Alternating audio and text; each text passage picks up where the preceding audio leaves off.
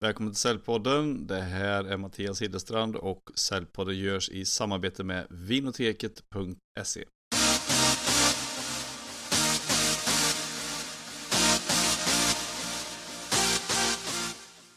Idag i detta högsommaravsnitt av Säljpodden så sitter jag i ett eh, lånat hus bredvid Hälleviks havsbad här i Härliga Hällevik i västra Blekinge. Och i Örebro via Skype så har jag med mig LinkedIn-experten Tina Lindahl från bolaget Skillex.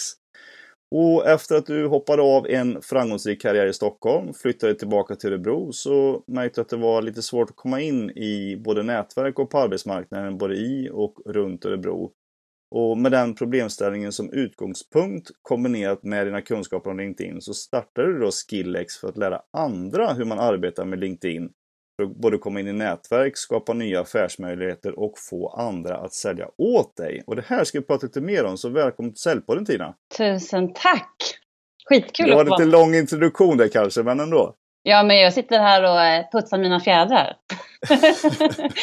ja, men det är häftigt när man får höra eh, sig själv beskriven av någon annan och den resan som jag faktiskt har gjort. Eh, du vet själv som egen att eh, det är ibland svårt att se resan mm. man har gjort. Och då när någon annan berättar om den för dig, eh, så är det gott att höra.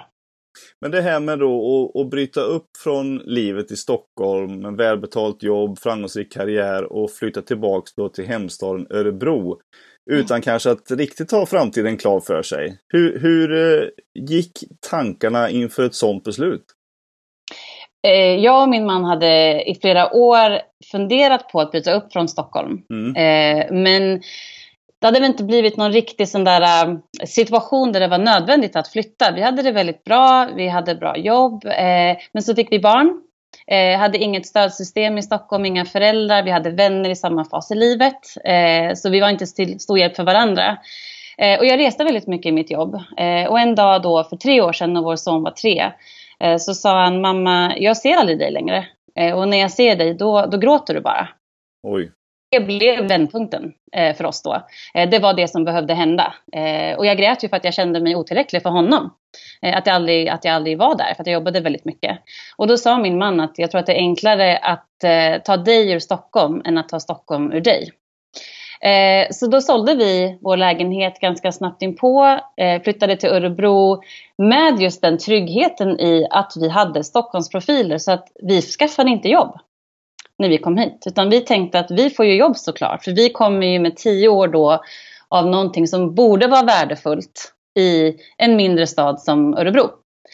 Men tjej fick vi. vi vad var det som hände? Ja, men vi började springa runt på eh, massa intervjuer på rekryteringsbolag och vi fick en fråga som vi aldrig hade fått i Stockholm. Eh, och det var ju, vem känner du i Örebro? Och vi kände ju ingen. Vi hade min mamma liksom, men inget annat. Och fick då ödmjukt lära oss att det här är en nätverksstad där det handlar väldigt mycket om att eh, vara en del av ett nätverk där andra kan gå i god för dig. Där de kan validera att det du säger om din person, om dina färdigheter, om dina värderingar, att det faktiskt stämmer. Eh, och det var en rekryterare som sa att oh, har du inget nätverk då, då blir det jobbigt. Och det blev det. Eh, som tur var, min man träffade på en gammal kollega från Karlskoga på stan under den sommaren vi flyttade hit som sa vi behöver folk på kommunen. Så min man fick jobb där. Eh, men för mig som ville gå då från att jobba som eh, chef i tio år med personalansvar och allt som det innebär till att bli då mellanchefens bästa vän istället, och jobba med strategisk kompetensförsörjning, eh, så hade jag ingen ingång. För det var ingen som kunde validera att det jag tog med mig från Stockholm var av värde eller var sant. Nej. Och då blev det ju eh, så att jag började springa på massa fysiska nätverksevent här. Jag såg alltid samma folk, alltid, på samma event. Eh, och det var ingen som släppte in mig. Det fanns, kanske, det fanns inte den naturliga nyfikenheten eh, av att ta in en ny person. Utan eh, jag vände mig då till LinkedIn, eh, till mitt Stockholmsnätverk som jag hade, för att kunna sätta mat på bordet. Ehm, och så tänkte jag, nu knyter jag nätverk digitalt. nu börjar jag liksom ta kontakt med folk i Örebro och Örebro län. Eh, och så bygger jag mitt varumärke här på nätverket genom att trycka in saker av värde i nätverket. Bjuda på vad jag kan, vad jag varit med om, vad jag står för, eh, hur jag är som person, eh, mina åsikter. För att man då ska börja forma sig i en bild utav mig eh, på nätverket. Och det gjorde jag i, i tre års tid. Eh, tills jag liksom knäckte koden eh, när det kommer till hur man då skapar ett nätverk som eh, jobbar åt en. Och det handlar ju till mångt och mycket om att ha en strategi, eh, att ha ett mål, att identifiera sin målgrupp och att leverera värde i parti och minut inom det området som du vill eh, nischa dig inom. Mm. Så att ehm, när jag började, när jag startade Skillex så var det ju för att det fanns eh, ett behov av min kunskap. Jag hade gått från att eh, ha en typ av kompetens som var svår att sätta fingret på för företagare i länet till att ha ett kompetensövertag inom en kunskap som alla visste att det här är av värde. Mm. Och det var ju då LinkedIn. Och jag började promota det som en sälj och marknadsföringskanal. Men visste du från början vad du skulle ha för inriktning när du startade Skillex då? Nej, eller inriktning på Skillex. Ja. Ja, det var ju, alltså jag hjälpa till med eh, LinkedIn eh, som sälj och marknadsföringskanal. Men också för att successivt röra mig mot det här andra benet eh, av det jag har gjort i tio år och det är verksamhetsutveckling. Ja. Så jag vill ju gå in och hjälpa eh, egenföretagare och småföretagare med just eh, verksamhetsutveckling och affärsutveckling. Eh, för att fler ska få leva som jag gör, eh, driva eget och ett annat typ av liv. Men också för att jag inte vill att någon ska behöva gå igenom det jag har gått igenom eh, när man vänder hem. Eh, jag vill utrusta alla med kunskapen om att kunna bygga nätverk vart du än är i världen och att du kan leva på eh, det nätverket. Då. Mm. Så det var nog den största drivkraften till att starta eget, att jag kände att eh, nej, så här ska det inte behöva gå till. Inte när man har liksom tio år av en fantastisk färdighet och erfarenhet som kan vara av värde för andra. Och att jag ska stå och falla med faktumet att jag inte har ett, ett fysiskt nätverk. Så Nej. då la jag kraften i ett online-nätverk istället och titta vad bra det har gått. Precis, för det, det skjuter till, eh, eller skjutit upp här under flera år, eh, års tid här nu och liksom man, man ser ju dig ganska ofta på LinkedIn i olika inlägg av olika slag. Men hur, hur ser liksom din vardag ut nu för tiden då med Skillex? Eh, ja, jag lever ju som alla egenföretagare. Jag lägger mycket tid på, på prospektering, på mm. att hitta då personer av eh, värde för, för min affär. Eh, och, men till skillnad från många andra egenföretagare så har jag valt en plattform och det är ju LinkedIn. Mm. Eh, jag är inte på Instagram, jag är inte på Facebook. Jag skaffade en hemsida för bara några månader sedan. För jag har inte behövt en hemsida innan dess. För att nätverket på LinkedIn då har ju varit min leadsgenerering eh, och den publik som har sålt åt mig. Ehm, så att jag engagerar mig mycket i konversationer på LinkedIn. Jag bidrar väldigt mycket med content, med innehåll. Ehm, för att, eh, tips och tricks kanske på hur man jobbar med LinkedIn. Ehm, affärsutveckling, marknadsföring och sådana saker. Och baserat på den trafiken som det genererar så bearbetar jag de kontakterna för att se, finns det ett värde av en kontakt med mig? Och finns det ett värde i av kunskapen som jag har? Mm. Och sen så har jag lärt mig mycket under det här Eh, Eh, det här året. Eh, jag har krokat arm med väldigt mycket säljcoacher. Eh, för jag menar, jag kunde ju ingenting om så här offer, skriva offerter och liksom komma till avslut och boka möten och sådana saker. Det har jag ju fått lära mig den hårda vägen här. Men det har jag också använt LinkedIn som hjälp. Det jag har mm. liksom sourcat då. Jag har kollat på nätverket. Vem har de kunskaperna som är värde för mig? Och det är tack vare det innehållet som de personerna har skapat som de har kvalificerat sig som kunniga för mig. Mm. Så när jag då kan ta kontakt med dem, då vet jag att jag kan ställa en fråga om XYZ och de kommer ge mig det svaret. Så LinkedIn är ju även ett, eh, jag hittar ju mentorskap här. Och jag lär mig väl, eller här säger jag som att vi är där nu. Men du förstår vad jag menar, på plattformen. Ja. Um, nej, så jag bokar mycket möten med personer då som jag hittar eh, på LinkedIn. Jag agerar ju både på personer som eh, aktivt söker till mig Men så prospekterar jag också ut. Eh, och genom att LinkedIn är ett affärsnätverk med 540 miljoner medlemmar så har jag hela, liksom en, en affärscommunity över hela världen som mm. jag har tillgång till, bara du vet hur du ska använda det. Sen bokar jag möten med dem, eh, kör den klassiska liksom, behovsanalysen för att se hur jobbar de, vad gör de, vad funkar, vad funkar inte, nuläge, drömläge. Eh, och sen då eh, kopplar jag in hur en närvaro på LinkedIn eh, kan hjälpa dem. För det jag har lärt mig nu eh, under det här året är att du står och faller eh, som säljare och företagare med tre saker. Det ena mm. är ju såklart ett nätverk. Alltså du måste ha ett nätverk som eh, hjälper dig att sprida ditt budskap och som vet vem du är och som kan intyga vem du är, att du är duktig, som kan ge rekommendationer och referenser. Marknadsföring. Du måste ju berätta vad du kan lösa för problem. Och sen försäljning. Du måste vara duktig på behovsanalys och avslut och offerering och, och sådana saker. Eh, och det är de tre grejerna som jag har eh, som jag pendlar emellan när jag bidrar med innehåll. Men det här med att knäcka koden som du nämnde förut då. Mm. Hur, hur knäcker man koden på LinkedIn? Eh, mycket handlar om struktur och strategi. Eh, när jag träffar mina kunder så börjar vi alltid med att definiera mål. Vad vill man uppnå med sin närvaro på LinkedIn? Många förstår fortfarande inte att LinkedIn krasst sett är ett, ett eh, traditionellt nätverksforum fast online. Jag brukar ofta ställa frågan så här, om du kliver in i ett fysiskt nätverksforum som Handelskammaren kanske har, som BNI kanske har. Hur beter du dig? Hälsar du på människor? Presenterar du dig? Ställer du frågor till personen mitt emot? Har du en plan om vem du vill träffa? Vem du vill ta en kaffe med? Vad du ska presentera? Och alla sitter och nickar. Liksom, har du en strategi för det? Ja, säger alla.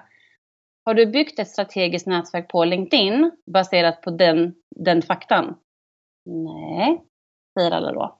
Så att mål är ju liksom jätteviktigt att veta. Vad vill du uppnå på LinkedIn? Också kopplat till din business. Vad vill du uppnå eh, i din verksamhet? Och sen målgrupp. Vem behöver du nätverka med och kroka arm med på LinkedIn för att nå dina mål? Och sen så skapar man då en profil en, den här personliga profilen som vi alla har, som pratar till den målgruppen. Just det. Det finns många LinkedIn-experter. Um, och nu fick jag epitetet LinkedIn-expert och det är fantastiskt. Men det finns de som faktiskt är utnämnda LinkedIn-experter som får åka till liksom headquarters i Stockholm och få massa information om funktioner och sånt. Just det. Som säger att um, den personliga profilen är liksom av värde och att man kan ha en, den här sammanfattningsdelen där du har 2000 tecken. Att där ska man bara skriva någon liten paragraf.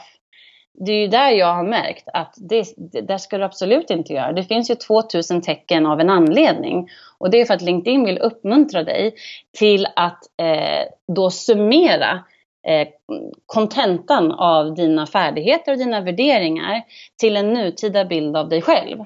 Mm. Så att det är det jag gör med mina kunder. Jag hjälper dem att liksom formatera den här sammanfattningstexten. Så att när jag blir nyfiken på dig Mattias, när du lägger ut grejer på, i ditt flöde och jag inte vet vem du är, men jag går då till din profil, vilket är det alla gör, mm. för att läsa mer om dig. Om du inte hjälper mig där genom att berätta liksom, men vad står du för, vad kan du, vem vill du nätverka med, eh, vilka problem löser du, vad är dina färdigheter och värderingar? Då gör du ju dig själv en enorm otjänst. Det är som att du skulle gå på ett fysiskt nätverksforum och liksom vara tyst efter en mening. Så. så att, Dela ut ett visitkort och sen gå? Ja, men typ. Och hoppas mm. på att den copyn eller den textraden ska eh, hjälpa dig att hitta rätt person eller till och med hjälpa med din försäljning. Vi är lata konsumenter nu för tiden. Vi vill ha saker serverat. Det ska vara lättsmält. Vi ska förstå ganska snabbt om den här personen har värde eller inte. Och det jobbet måste du göra för oss. Eh, att hjälpa oss eh, med den, ehm, eh, med den copyn. Mm. Så att det är vad jag menar med en strategi. Så mål, målgrupp och sen profil. Eh, och att det är där du måste... Men, men jag får eh, stoppa lite då. Mm. Om vi tänker den här profiltexten på 2000 tecken. Eh, vad ska det stå där då? Eh, vi vill veta om din senioritet. Hur många år har du inom en särskild bransch? område, mm. inriktning. Det tycker vi om att ganska snabbt kunna läsa oss till. Jaha, Mattias har 20 år av försäljning inom den här branschen. Spännande. Jag har ju en checklista, säger den här köparen, av saker som är av värde för mig. Har Mattias de kvalifikationerna? Och att man mm. också vet då att har du 20 år av försäljning i ryggen, då kan man börja diskussionen på en ganska avancerad nivå. Eh, sen vill vi gärna veta vilket problem du löser. Vad kan du? Liksom, vilken relation har vi till varandra? Eh, hur ska du lösa de problemen som jag har? Sen vill vi gärna veta lite mer om din person. Hur du har jobbat med dig då. Eh, mm. Du är inte bara en person som har färdigheter utan vi vill gärna veta om vi krokar arm med dig som leverantör. Kommer du vara kravställande, eh, tillgänglig? Kommer du eh, vara ehm, eh, innovativ? Förstår du? Att man liksom mm. eh, hjälper köparen på traven genom att ge en, en, en, bild av vem jag är. Och sen också hjälpa till med att skriva vem man vill nätverka med. Gör det enkelt för mig som besöker din profil att veta, har jag hittat rätt eller inte? Och här ska du ju inte skriva, jag vill nätverka med dig som är försäljningschef. För det kan ju vara så att du har en målgrupp som inte har titeln försäljningschef, men som är din faktiska målgrupp. Så jag brukar uppmuntra där till att säga istället, jag vill nätverka med dig som ansvarar för eh, övergripande försäljningsbudget. Just det. Eller något sånt. Sen mm. kanske man har en annan titel, vad vet jag. Eh, så. så att det är de fyra huvudbenen som jag brukar uppmuntra till att man får till mm. eh, i sin sammanfattning då. Inte Och, eh, skriva på engelska i den svenska? Eh, igen, det beror på målgrupp. Mm. Eh, ofta, du har ju olika mallar. Det finns, engelska är ju standardmallen som kom då 2003. Det är den som de flesta av oss har. Eh, så skriver du på svenska i en engelsk mall betyder det mer att eh, när vi söker upp din profil och jag har en engelsk mall så får jag upp din engelska mall och sen om du har svenska eller engelska, det spelar ingen roll. Okej. Okay. Hängde du med? Mm. Så det är bättre att ha den svenska mallen skriva på svenska för att få svensk sökgrupp? Ja, men det krävs då att jag som besökare, även om jag har en engelsk mall, då ska jag se då på din profil att jaha, Mattias har både en engelsk och svensk mall. Jag byter till den svenska mallen. Det är liksom, vi, vi är lite för lata för det. Mm. Så att det handlar mer om målgrupp. Om du bearbetar Sverige, om din primära målgrupp finns i Sverige, varför skriva på engelska? Skriv på svenska. Mm om du har internationella ambitioner med din podd, att den ska ut i hela vida världen, eh, skriv på engelska. Då kanske vi borde börja prata engelska igen också för att börja med. exactly, exactly.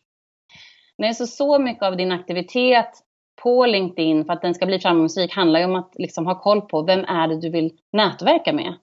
Mm. Precis som i verkliga livet när du springer på nätverksforum. Jag hoppas upplever, att... Upp, men upplever du att det liksom eh, många tar i så att de eh, går åt här då på att eh, framhäva sig själva som exemplariska att ha att göra med när man skriver sina LinkedIn-profiler och att det kanske inte alltid är så i verkliga livet? Jag kan ju bara tala för de jag har jobbat med. Jag vet ju inte hur de andra som jag läser, många skriver om sig själva i tredje person. Det förstår jag inte heller varför man gör. Du skulle aldrig göra det i ett fysiskt nätverksforum. Eh, men de personer som jag har jobbat med, när det kommer till just att beskriva sig själv, så har ju nästan det varit det mest utmanande. För vi tyngs ner av någonting som heter jante. Mm. Att, att prata om sig själv i eh, fina termer, det är jättesvårt. Så det här är nästan liksom den mest förlösande delen av mitt jobb med kunderna. Att liksom sitta och snacka för att se så här, men vad bidrar du med och vad är du duktig på? Vad tycker du är roligt? Liksom, hur är du i ett samarbete?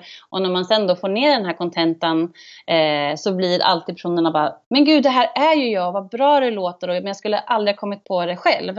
Att mm. skriva om mig själv på det här sättet för att men jag, är, jag är likadan. Eh, det har tagit lång tid för mig att sätta min profil. Eh, så. För det är inte att jag vaknar upp på morgonen och tycker att jag är världsbäst på LinkedIn till exempel. Eh, så att för att svara på din fråga, jag, eh, av det jag har sett så är det svårt att eh, eh, marknadsföra sig själv i sin person. Eh, färdigheter, inga problem. Skitbra på att sälja, månadens säljare, en bra ledare, få bra KPI på medarbetargrejer det är hårda grejer, det är liksom inga problem. Men jag som person, den är svårare. Just det. Mm.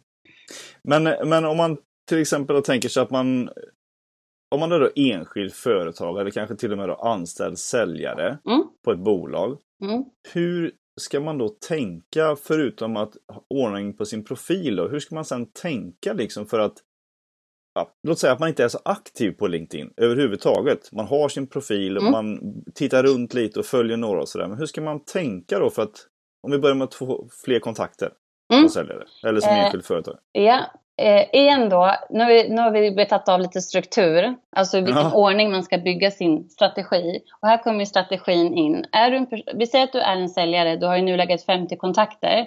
Du förstår att det finns ett värde av att vara på LinkedIn. Så har du alla chanser i världen nu att bygga ett strategiskt första nätverk. Och första nätverket är ju eh, det nätverket som eh, du skickar kontaktförfrågningar till, eller du tar kontaktförfrågningar, eh, du tar emot kontaktförfrågningar.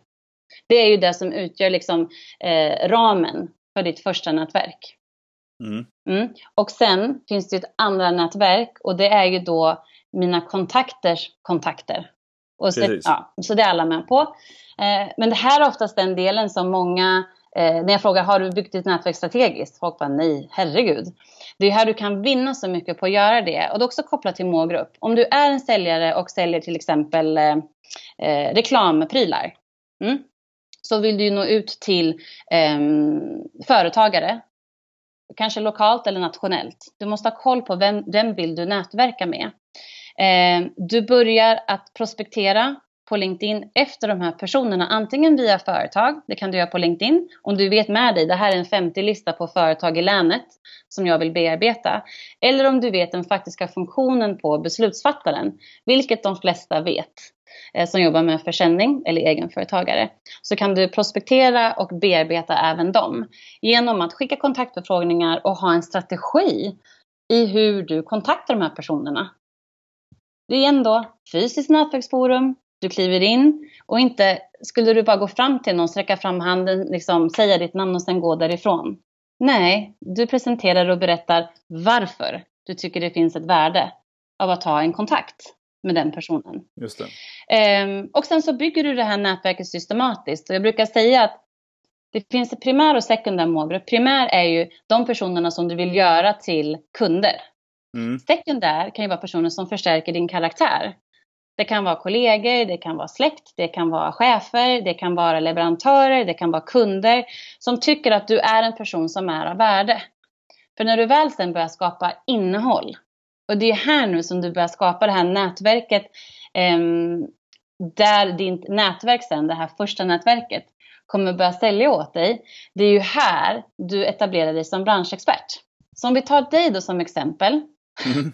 För att, för att Oh göra det här Okej. väldigt tydligt. Nej men vi säger din podd då. Mm. Ditt mål är att den här podden ska sprida sig till eh, Norge. Det Mm. kanske redan är där, vad vet jag. Men nu säger vi Norge. Mm. Mm. Och du har en målgrupp tänker jag. För vem du vill ska lyssna på din säljpodd. Mm. Vilka är det då? Ja men det är ju säljare, säljchefer och företagare primärt. Ja, då skulle du använda LinkedIn för att dels hitta de här personerna som alla har en titel, en, en funktionstitel, säljchef eller säljare. Du skulle kontakta dem och säga hej, hej, jag heter Mattias, jag driver en säljpodd i Sverige, jag är jättenyfiken på att etablera mig i Norge. Du har en jätteintressant profil, hoppas på kontakt. Mm. Skicka iväg. Mm. Och sen bygger du det här nätverket. Sen har du då ett första nätverk av personer som tycker att ditt ämne är intressant. Plus att du har haft lite vett i huvudet och var artig. Genom att säga hej det här är jag, det finns en anledning till att vi hörs. Sen börjar du vräka in värde i då så kallade inlägg. Mm. Där du visar på att du är ruggigt duktig på försäljning. För det är där du säger att du ska ge dem som värde. Kunskap inom försäljning. Och det för dig kan det ju handla om då att du förmedlar den kunskapen genom eh, dina poddgäster. Mm. Så att du kanske skriver artiklar om mig eller andra personer som har varit där med tips och tricks. Tänk så här när det kommer till LinkedIn och social selling. Tänk så här när det kommer till behovsanalys. Tänk så här när det kommer till att skriva en offert. Du tar alltså innehåll från eh, material som du redan har. För det har vi skapat åt dig. Ja, jo, så är det ju. Ja. Och så trycker du ut det i ditt eh, nätverk. Och det kommer ju ditt första nätverk att tycka är jättevärdefullt. För de sitter och är säljare eller Mm. försäljningschefer och står och faller med att hålla sig ajour. Står och faller med att lära sig det senaste. Eh, så. Eh, och det är ju då, genom att du är renodlad, så även om du har ett spann av kunskaper, du kanske kan eh, jättemycket om försäljning men så kan du även jättemycket om fiske. Så. Mm. så måste du välja ett ämne på LinkedIn. Just för att vi som är i ditt nätverk ska kunna sälja dig enkelt. För skulle du prata om fiske i ena handen och försäljning i den andra, då får vi lite kortslutning. Det är så här, men okej, men vad, vad ska vi promota då? Om jag hör någon som pratar om behovet av en försäljningscoach eller interimchef försäljning. Är det Mattias ska gå till eller är det fiske han vill ägna sig åt? Ah, jag blir osäker. Jag struntar i att förmedla kontakten. Mm. Men om du successivt liksom trycker in att du är ruggigt duktig på försäljning. Det är tydligt att du vill jobba med ehm, eh, kanske som eh, interimchef försäljning eller säljcoach. Mm. Då gör du det enkelt för nätverket att referera dig trots att de inte har jobbat med dig. Så, att, så att vara liksom stringent hela tiden i de inläggen man gör så att man verkligen får, man driver liksom en sak eller en fråga eller en vision. ja, Det är det som är huvudmålet så att säga, för om man vill få andra att vilja rekommendera en. ja, precis. Och för mig då, jag har ju valt att ta på mig LinkedIn-hatten på LinkedIn. Jag pratar nästan bara om tips och tricks eh, kopplat till LinkedIn. Ehm, jag pratar väldigt sällan om att jag eh, kallar mig själv en business booster, att jag jobbar med verksamhetsutveckling. För skulle jag prata om det så skulle mitt nätverk vara så här, men vad ska jag promota? Alltså vad kan hon inom verksamhetsutveckling? Så för mig är ju LinkedIn ett sätt att eh, skapa massa, massa kontakter som är intresserade av LinkedIn. Jag vänder mig till egenföretagare och mikroföretagare. Och när vi väl krokar arm och samarbetar, då berättar jag om vad jag kan eh, utöver LinkedIn. Och genom att jag förankrat mig då som trovärdig och duktig på LinkedIn och jag löser dess problem där. Tror du att jag får samarbeten kopplat till verksamhetsutveckling? Ganska sannolikt. Ja. Så att, men hade jag pratat om båda delarna på LinkedIn så hade mitt nätverk kämpat lite med. Eh, vad, vad kan Tina? Liksom, vad vill hon? Vad är hennes, vad är hennes eh, USP? Just det. Mm. Och då- om du då liksom är, är- alltså många företagare gör ju många saker trots allt. Mm. Och kanske är lite kluvna i det här också då. Man kanske är både coach och man är både eh, sälja, utvecklare och man är både föreläsare och man Ja. brinner för det ena och det andra och det tredje. Ja. Hur, hur ska man då resonera för att vara så trovärdig som möjligt? Är det fortfarande att du måste välja någonting och strunta i det andra? Ja, jag brukar uppmuntra till att försöka hitta en gemensam nämnare i de olika funktionerna eller rollerna som man väljer att eh, jobba med. Så Mm. låt säga då, för jag träffar ofta på den typen som du precis nämner, eh, eller typen också negativt, den rollen. Där man kanske är föreläsare, sen är du expert inom försäljning, sen kanske du är coach. Eh, för att du, du läste till ett, ett coachexamen.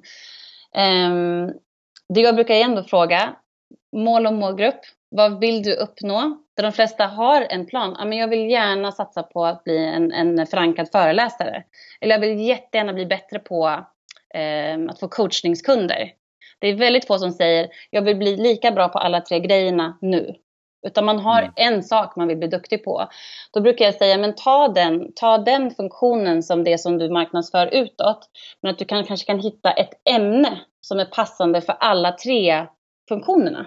Så coach handlar mycket om rådgivning, att föreläsa handlar mycket om att ge inspiration och rådgivning. Eh, vad var det tredje jag sa? Att man skulle vara... Eh, Ja. eh, eh, skitsamma, nu kommer jag inte ihåg vad jag sa. Men oftast så finns det en röd tråd i de ämnena eller de funktionerna som du har. Och att man då använder det ämnet som ett paraply till det innehållet som du skapar. Och sen skapar du liksom små eh, stories eller inriktningar. Men att du hela tiden kopplar tillbaka till ämnet kanske rådgivning. Eller ämnet guidning. Eller ämnet välmående Just det. vad vet jag, liksom så.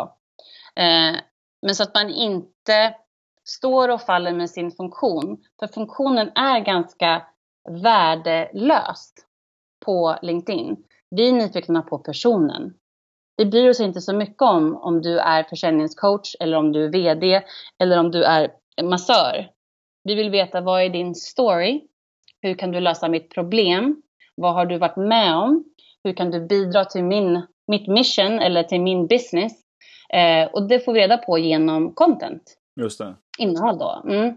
om man då, Svarar det på din fråga? Absolut. Om jag, om jag tänker då liksom att om man inte är så bra då, så att säga, initialt. Och jag är föreläsare och jag är liksom coach och jag är utbildnings, eh, gillar det här. Men, men vad ska jag skriva om och hur börjar jag och hur får jag liksom folk att tycka att det här, varför vill de ens titta på det här? Och eh, gillar de det och sprider de det vidare? Och hur, mm. hur brukar du lära ut att man ska börja? Igen då, har du byggt ett strategiskt första nätverk, du har identifierat den här målgruppen av personer som eh, eh, brukar köpa in dina tjänster, som är intresserade av dina tjänster. Mm. Använd då det materialet som du redan har skapat. Är du föreläsare så har du en, eh, en grund att stå på. Använd det färdiga materialet till att ge tips och tricks kanske. Eh, tre sätt till att motivera sig själv på måndag morgon. Nu leker vi med tanken här att vi pratar om en föreläsare som ska inspirera då. Mm. Mm. Eh, tre sätt till att eh, hitta glöden i äktenskapet. Vad vet jag? eh, alltså att man använder det som man redan har, så man sätter som press på sig själv att skapa nytt och att man ska liksom eh, framstå som så smart. För det brukar säga till mina kunder att det som är en självklarhet för dig, det är oftast en nyhet för mig. Just och jag får, det får jag bevis på om och om igen. Jag hade en kund som eh, idag driver en, en startup, men hon hade i bakgrunden att hon var eh, PR-chef. Och så sa hon, alltså jag tänkte skriva ett inlägg om hur man skriver ett pressmeddelande, men det kan väl alla? Nej, Nej, det kan inte alla. Jo, men det kan väl alla? Nej, vem är din målgrupp? Ja, men det är ju personer som ska då sprida min startup vidare. Finns det ett värde för dem, frågar jag, att lära sig skriva ett pressmeddelande? Ja, men det gör det ju. I sina egna kanaler. Ja, det gör det ju. Använd det. Så att de här självklara grejerna som du går och mantrar hela tiden, som du kanske säger till dig själv eller som du säger till dina kollegor eller till ditt team som du leder. Mm. Ut med det i nätverket och du kommer få respons. Förutsatt då att du har byggt det där nätverket som diggar det du pratar om. Tycker att man ska göra det parallellt, att man eh, bygger lite nätverk hela tiden varje dag, några stycken, försöker få kontakt med och samtidigt skriver content eller tycker att man ska skapa så mycket kontakter som möjligt först innan man börjar bli den som öser ut värde? Ja. Eh, jag svarar ja på fråga två. Ja. att eh, bygg nätverk först.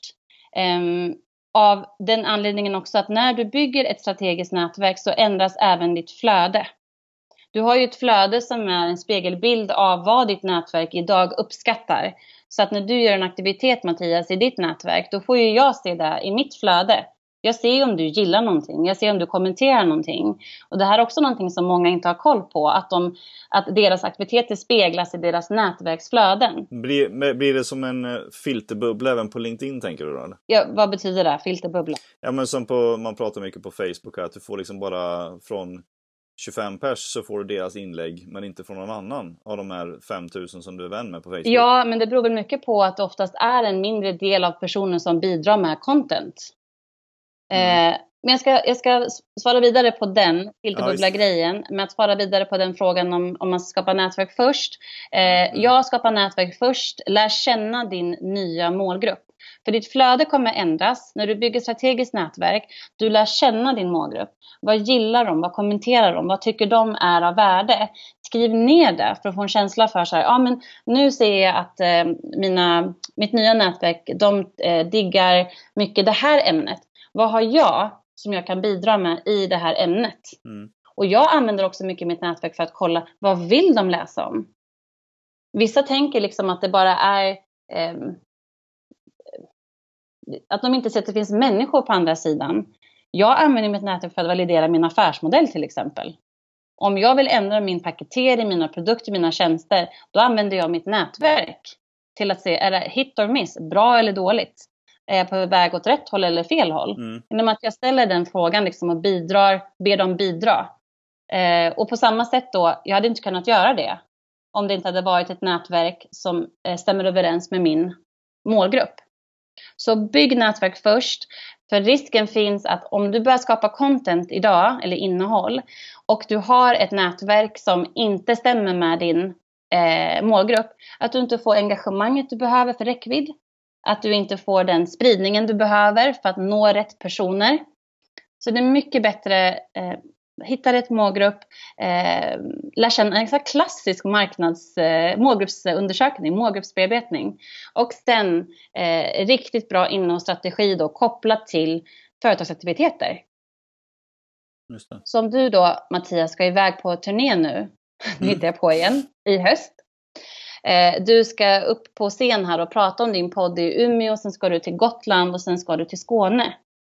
Självklart ska du ju nätverka med personer i Umeå och på Gotland och i Skåne innan du åker dit. Självklart ska du bjuda in de här personerna till dina events. Självklart ska du skriva innehåll kopplat till de här orterna.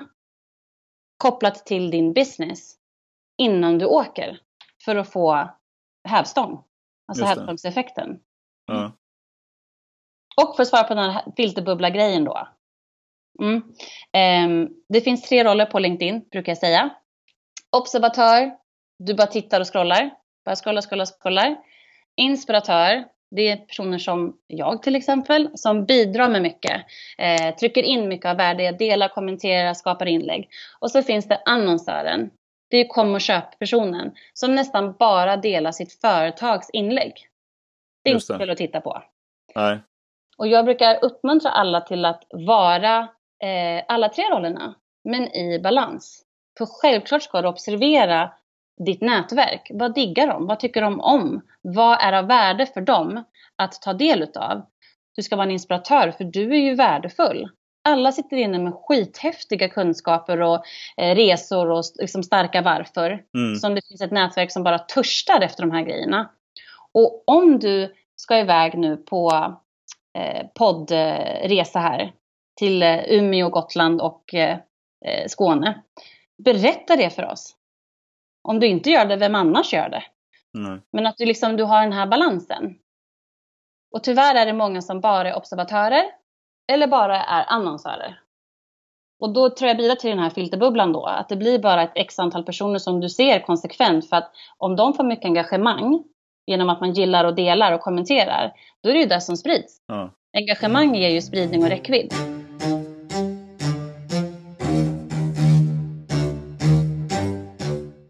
Säljpodden görs i samarbete med vinoteket.se och eh, det är en vintjänst som eh, jag själv nu har nyttjat under ett par års tid. Och där går du in och beställer ditt eget vin och gör din egen vinlåda utifrån deras eh, utvalda kvalitetsviner. Eller så tar du någon av de lådorna som Vinotekets sommelierer redan har satt ihop åt dig. Och du kan också, om du vill, beställa Säljpoddens egen vinlåda som du hittar på vinoteket.se sargpodden. Och där har vi satt ihop en låda som passar nu för sommaren.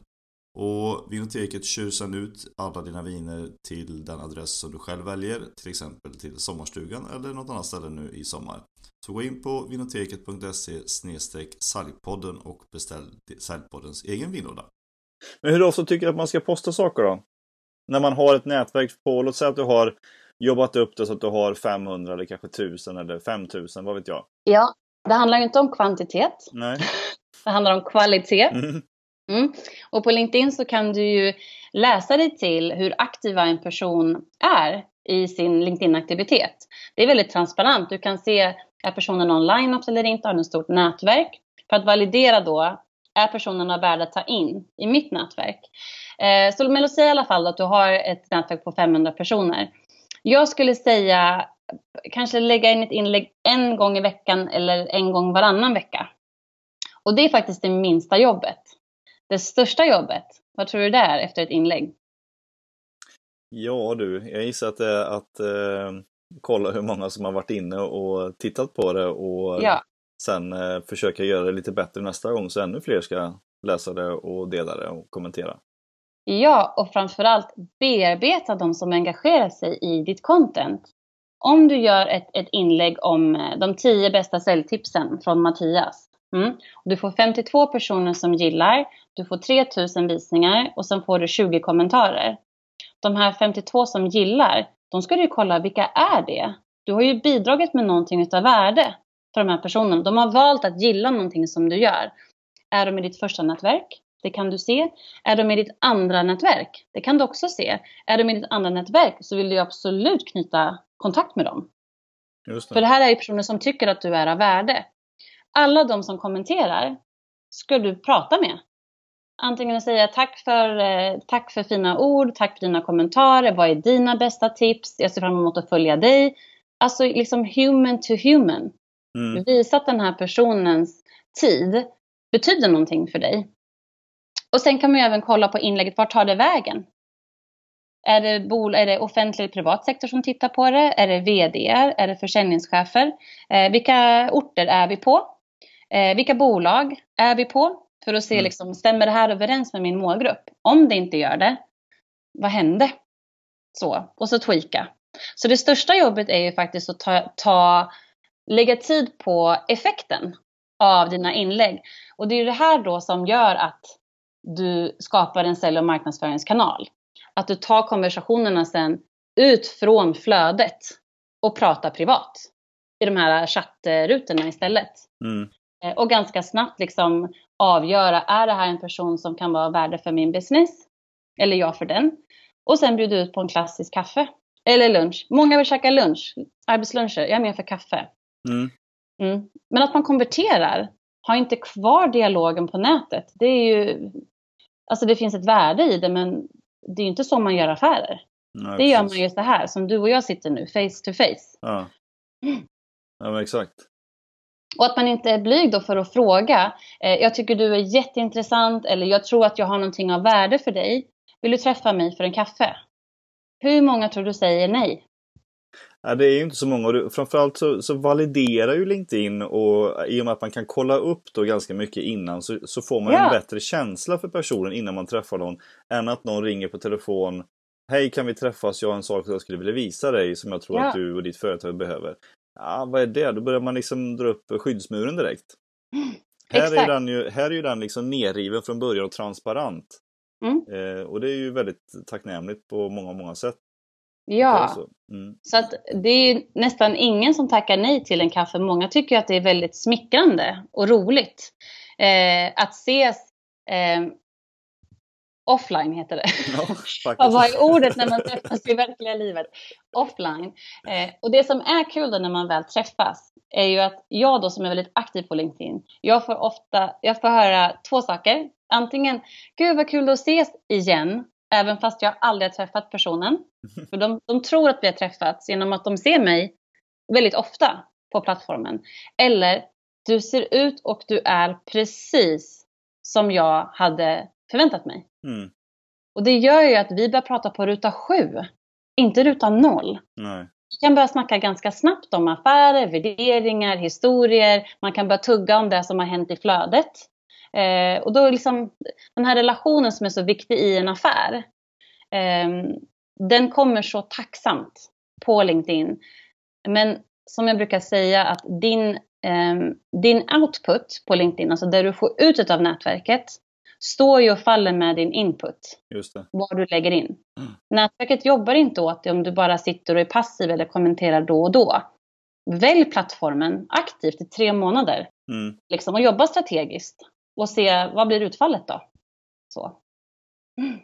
Vad hade den gamla Tina då som flyttade till Örebro här för ett antal år sedan att säga till den nya Tina eller tvärtom? Om hur det skulle bli här eh, när man puttar in eh, lite effort i, i att bli bra på en grej som till exempel LinkedIn här då. Alltså den gamla Tina hade ju, eller den gamla Tina är fortfarande en väldigt stor del av mig. Eh, att jag är med här till exempel i din säljpodd trodde jag ju aldrig eh, för några år sedan. Eh, jag inser att jag borde ha jobbat med försäljning mycket, mycket tidigare. Det är bland det roligaste jag gjort i hela mitt liv, att få vara av värde för andra. Eh, jag är väldigt eh, glad över att min fallenhet kanske för att eh, eh, se andra människor och få höra andra stories. Att det finns en plattform där jag kan få göra det. Eh, och att jag kan få leva på resultatet av den fallenheten. Um, och det är många som har suttit med och säger, men Tina, jag är, liksom, jag är inte bra på att skriva innehåll och jag är inte bra på XYZ. Uh, kan LinkedIn vara för mig? Och jag brukar alltid ställa frågan, men hur beter du dig i ett fysiskt affärsforum? Uh, ja, men mm. då gör jag de här grejerna. Gör exakt samma sak här. Mm. Det är liksom, det är ett affärsnätverk. Det är mm. människor på andra sidan. Så att det är väl de tipsen jag brukar ge eftersom jag upplevs som väldigt extrovert och att det här kommer väldigt enkelt eh, för mig. Eh, och det gör det väl till en viss del men det finns ju sjukt mycket strategi bakom det jag gör. Just det. Eh, så den gamla Tina hade aldrig trott att jag skulle kunna leva på de här kunskaperna ehm, som jag gör idag. Eh, och sen att jag kan bevisa för alla andra att det går att eh, paketera om sig själv. Det. det. går att ha en färdighet av någonting och sen skilla dig på någonting annat. Det är därför mitt bolag heter SkillX. Eh, det handlar om att hitta en färdighet X eh, eller en kunskap X som du paketerar om och gör någonting utav. Och tack vare sociala medier, verkligen, tack vare social selling, tack vare content marketing, tack vare video och rörligt. Um, så alltså det, the sky's the limit till vad man kan åstadkomma. Räckvidd, engagemang, eh, uppdrag, liksom det här mun till mun metoden är ju otrolig när du får liksom eh, när du får feeling på, ja.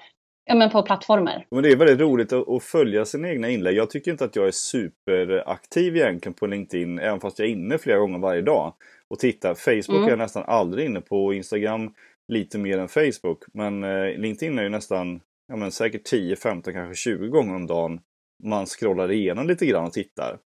Mm. Eh, men det man blir lite förvånad över ibland är att hur kan det komma sig att vissa inlägg får nästan ingen som helst respons. Medan andra som är mer enkla kanske då får jättemycket respons.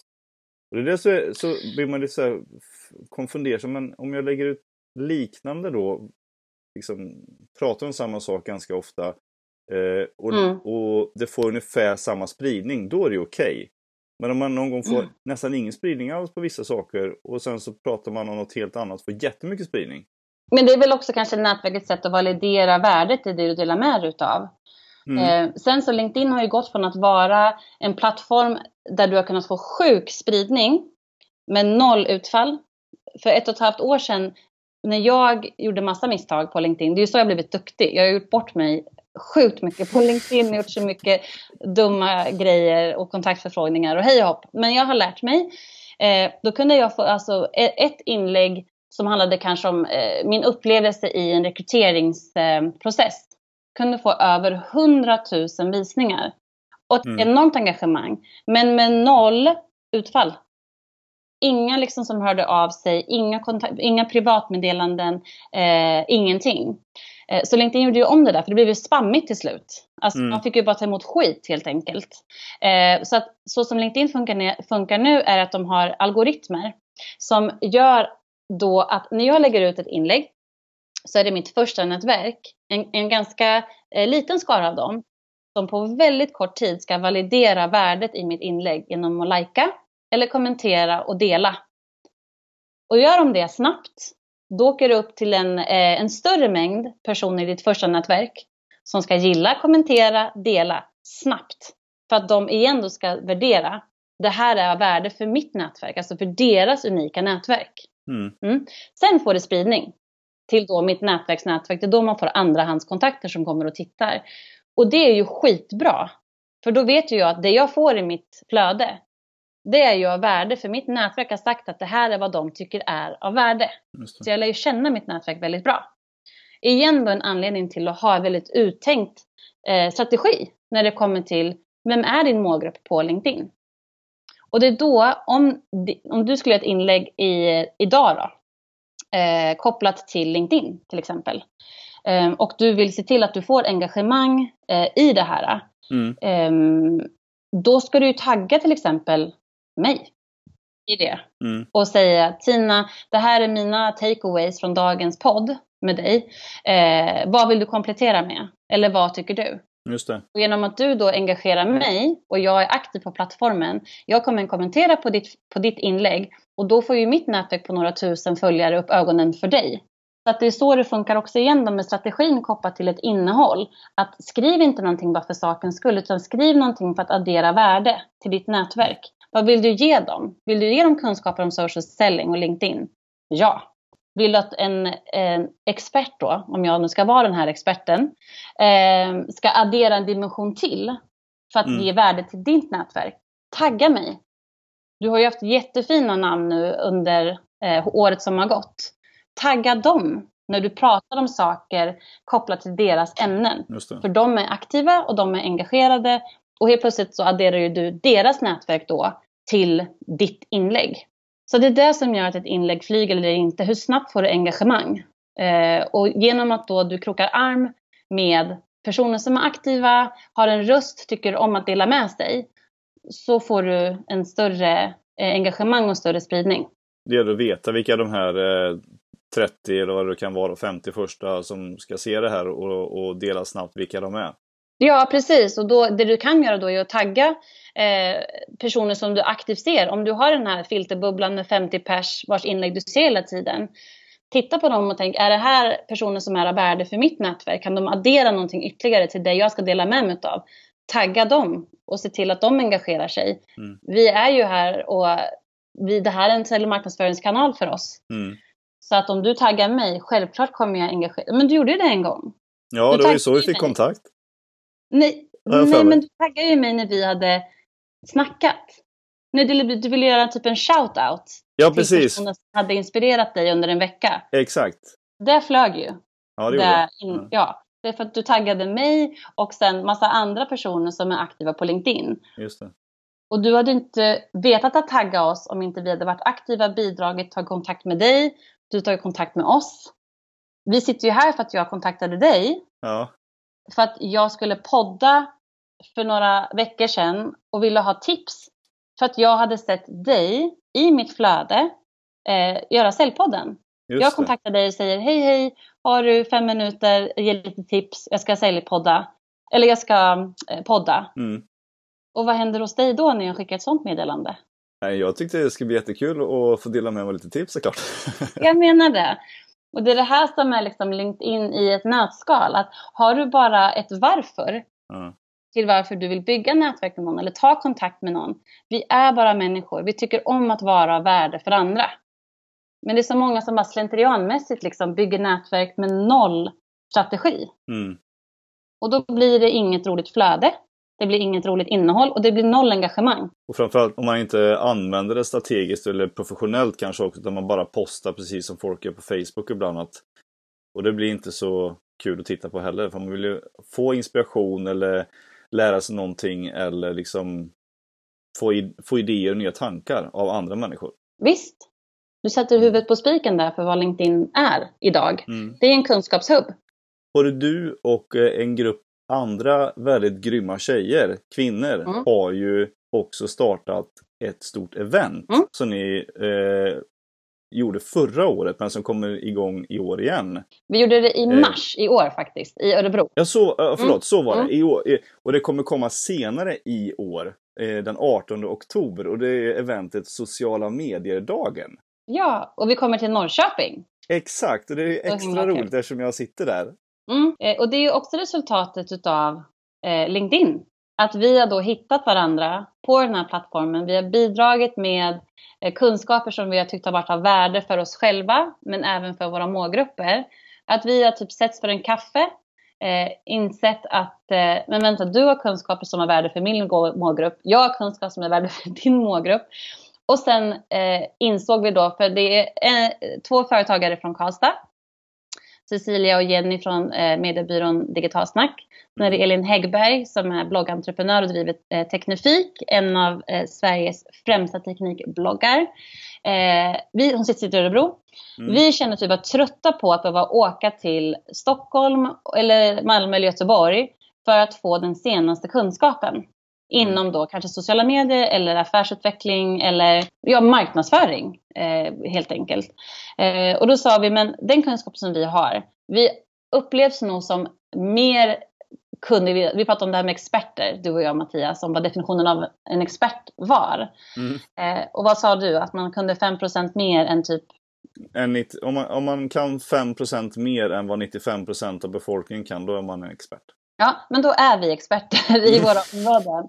Och då sa vi, vem behöver den här kunskapen allra mest? Jo, det gör företagare och eh, personer som jobbar i mindre städer. Och eh, det var då Cecilia sa, eh, jag har tänkt på att göra en sociala mediedag. Eh, och då sa jag, count me in, typ. Räkna med mig. Och Elin mm. sa, jag är på också. Mm. Så att eh, det, det eventet var resultatet av att en frustration eh, av att man alltid måste åka annorstädes. Eh, och vi känner att men vi vill dra eh, kunskaperna och eventen till eh, de mindre städerna istället. Så vi har haft Örebro som utgångspunkt och sagt att eh, städer som befinner sig mellan 10 och 15 mils radie inom Örebro, eh, dit ska vi. Och då kommer ni till Norrköping nu den 18 oktober. Och vart, vart ska ni vara någonstans i Norrköping då? Kammarforum, så Handelskammarens lokaler. Eh, och det är ju en hel dag. Mitt i mm. centrum, ja. Och vi var ju i mm. Norrköping för några veckor sedan där vi träffade dig bland annat. Mm. Eh, och slogs över hur fantastiskt vackert Norrköping är. Eh, och jag, det är ju en ynnest alltså att få eh, driva eget och få välja själv hur vi skapar våra dagar. Det här vet ju du också. Mattias. Mm. Eh, när man kunna välja liksom, men så här vill jag att hösten ska se ut och de här människorna vill jag kroka arm med och de här ämnena vill jag lära mig mer utav eller vill jag dela med mig utav. Eh, mm. Och att få göra det. Så sociala mediedagen, eh, det finns ju en hemsida som heter just socialamediedagen.se eh, där man kan läsa mer om innehållet också för dagen. Och vart köper man biljetter till det och när släpps de? Biljetterna släpps 27 augusti och de köps på den hemsidan. Så socialamediedagen.se. Just det. Ja. Jag lägger upp en länk till den också till avsnittet här eh, ja. efteråt. Här.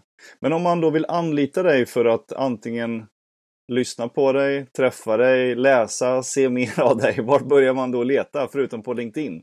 Finns det liksom artiklar, videos och sånt där att ta del av också? Åh oh, herregud, artiklar och videos! Nej, så långt har jag inte kommit. Eh, jag föreläser ju en hel del.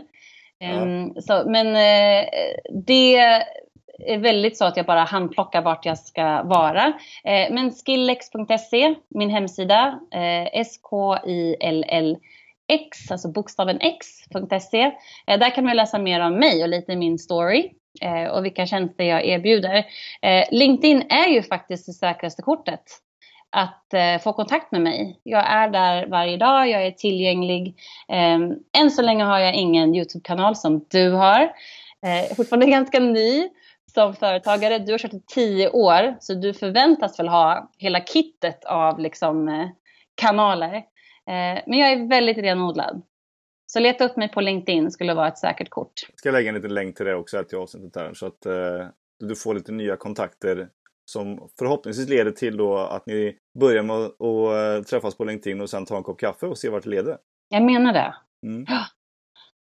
Men nu Tina, tack så jättemycket för att du tog dig tid eh, mitt i semestern här och var med i Säljpodden och berätta hur man använder LinkedIn för att skapa affärsmöjligheter och nätverk och för att få folk att sälja åt en helt enkelt. Ja, jag hoppas att jag svarar på de funderingarna du hade det, det, var jättebra eh, för mig för att det är mycket sånt här som man inte tänker på men som man behöver bli bättre på. Det här med att följa upp till exempel på inlägg man gör. Visst, jag kommenterar tillbaks och sådär men ta kontakt är jag jättedålig på. Och det måste jag bli mycket grymmare på helt enkelt. Och med tanke på också din inriktning och den resa du har gjort. Nu vet jag lite om dig här för vi har redan tagit den här kaffen. ja. eh, du har ju så mycket av värde att bjuda ditt nätverk på. Eh, och med tanke på de du har i ditt nätverk nu, de fina profilerna som du har haft i din podd. De drivs av samma varför som dig, jag med. Alltså det här med ren försäljning och att försäljning är kul, det är inget fult. Eh, och tekniker bakom det och kunskaper. Du behöver dela med dig mer. Ja. För du kan så mycket, du är inte bara Säljpodden. Eh, du är så mycket mer. Så att du och jag ska dricka en till kaffe. Ja, det får bli det. Ja, tycker jag. Så jag får hjälpa dig lite med en strategi här. Ja, tack mer Mattias åt folket, tycker jag i alla fall. Tack snälla. Jag får säga mer Tina åt folket också. Vi ses ju på sociala mediedagar då i Norrköping den 18 oktober. Ja, det gör vi. Ja, ha det bra så länge. Det är bra. Tack. Hej då. Hej.